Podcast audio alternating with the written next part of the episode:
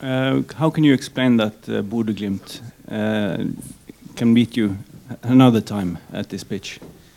There is only one match that matters. Do you know which one? one. Exactly. That's the only one that matters. In the group phase, we didn't win, but we finished first.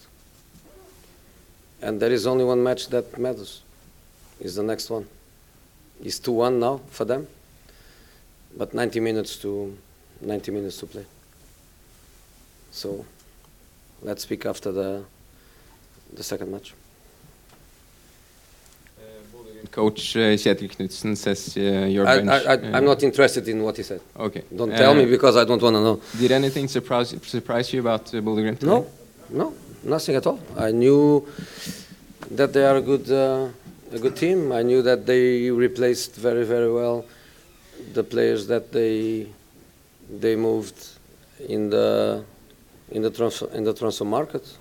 I knew, I knew, no surprise, no surprise. It's nothing about uh, don't respect them or don't consider them a difficult uh, opponent. Uh, nothing at all. I think the match would be much more fair, um, a draw. I don't think they were better than us. Uh, I think the game was very, very equal. Uh, we had much better chances than they had. Um, that's football. One, the first goal is a ridiculous one. The second goal is a good, uh, a good set piece. Um, we were again uh, very unlucky with the referee.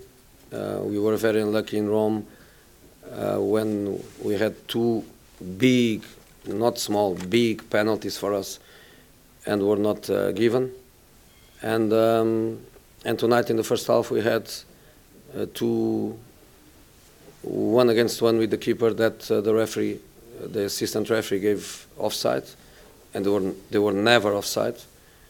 And um, just to give an idea of the level, um, in the second half was given an offside on a throw-in, and that shows clearly the, the level. So in the end, people want this competition to be a, a nice and important competition but you play on plastic pitch, you play without VAR, you play with referees of this of this level. Doesn't give a great image of the the competition. But uh, congratulations to uh, to Bodo, and we are waiting for them next Thursday.